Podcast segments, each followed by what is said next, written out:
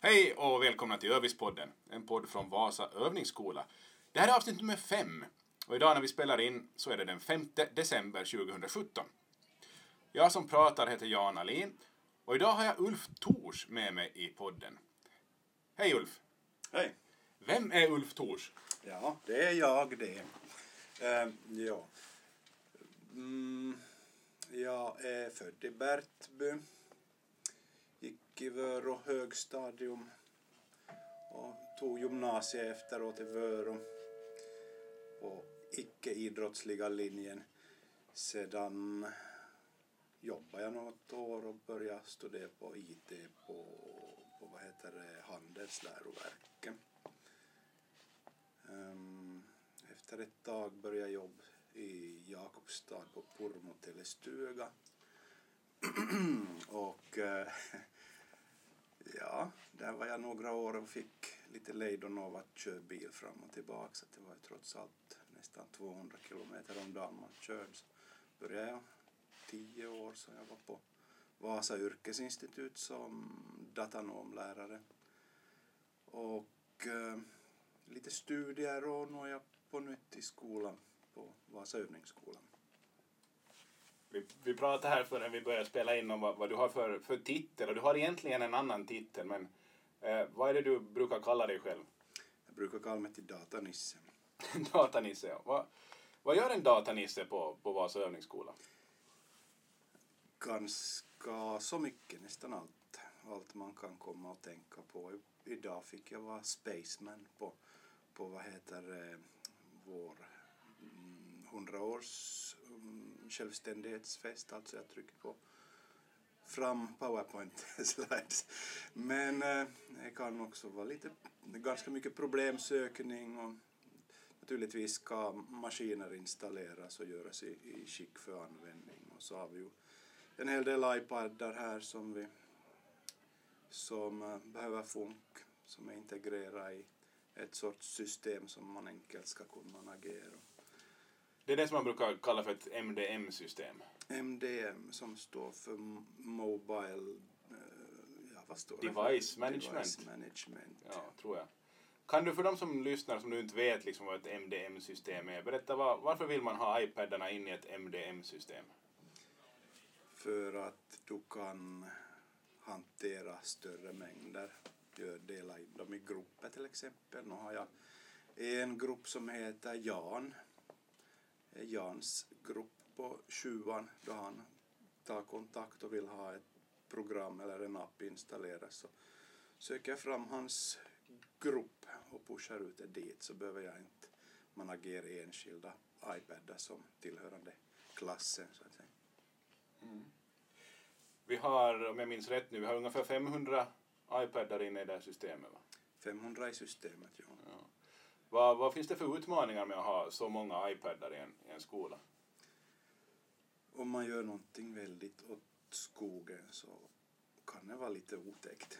Eh, det var en höst, eller efter skolstart, eller vid skolstart, så märkte vi att ett, en licens hade gått ut vilket innebar att jag måste plocka in alla iPadar i systemet på nytt. Och det var ganska tidskrävande och dessutom var jag, eftersom jag var ny med systemet så visste jag inte vad som var orsaken. Så jag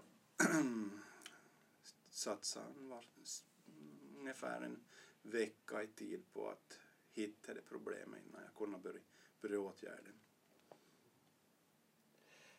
Det här eh, med 500 iPadar i, i systemet, hur ofta är det någonting, någon iPad som krånglar eller går sönder eller sådär? Förvånansvärt sällan. nu har jag i höst kanske sökt efter tre, fyra iPadar som har blivit upphittade någonstans i korridorerna sedan. Men, um, jag skulle säga det har blivit ganska väl skött av eleverna hittills i alla fall. Att det är inte så många spruckna glas som jag har varse blivit i alla fall. Om vi frågar om lärare då, när en, en lärare tar kontakt med dig här när du jobbar, vad, vad, vad är det där typiska ärendet då? svårigheterna kan vara allt från att fråga efter hjälp med att få projektorn att fungera till att inloggningsproblem och, och ja, konsultation av något slag kan det vara i vissa fall. Jag vet att oftast när jag kontaktar dig så då är det en elev som har, har glömt sitt lösenord. Aj, ja. Ja. Jo. Händer det att, att lärare också glömmer sina lösenord? Det händer sig ibland men det finns ju alltid self-service som man kan använda. Just det, self-service. Hur, hur hittar man self-service då? Och vad kan man göra där? Man kan få via länkarna på Åbo Akademis eller övningsskolans hemsidor eller så skriver man selfservice.abo.fi och där kan man till exempel byta lösenord och om man själv har glömt lösenordet så kan man verifiera vem man är med hjälp av bankkoder. Ehm, man kan till exempel sätta mejlen och skicka ett svarsmejl att du är bortrest för en vecka så inte du behöver gå och läsa läs arbetsmejl medan du är på södernresa. Och om du inte läser så vet motta, eller avsändaren att, att du är bortrest eftersom det kommer ett svar direkt. Du kan ju ganska mycket egentligen där.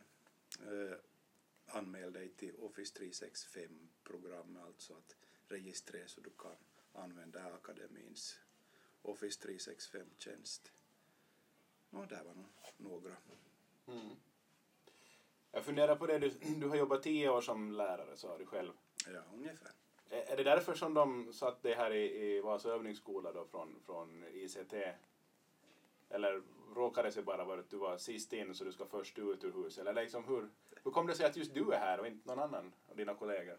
Nej, kan jag inte svara på, men, men åtminstone har jag trivts här så, så jag har inte i alla fall protesterat på att jag är, är placerad hit.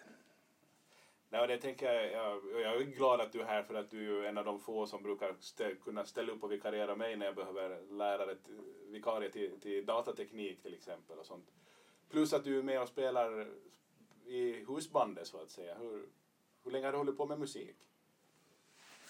Um, kanske, ja, det beror på om man tar det. Då jag, var, då jag gick på tredje klass i lågstadiet fick jag min första elgitarr som jag hade velat ha väldigt länge och jag hade tjatat tillräckligt länge så fick jag den. Men, men jag bodde så långt bortom övrig.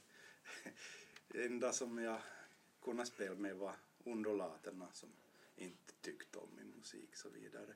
Så jag spelade för mig själv och konstaterade snabbt att det blir inte av det här tekniken var inte lika avancerad på den tiden att man kunde jamma med till exempel någon Youtube eller något liknande utan det var, det var kanske någon kassettspelare som, som, som eh, man spelade med och dessutom, ja, det, det gick inte riktigt bra men efterhand så började jag spela basgitarr med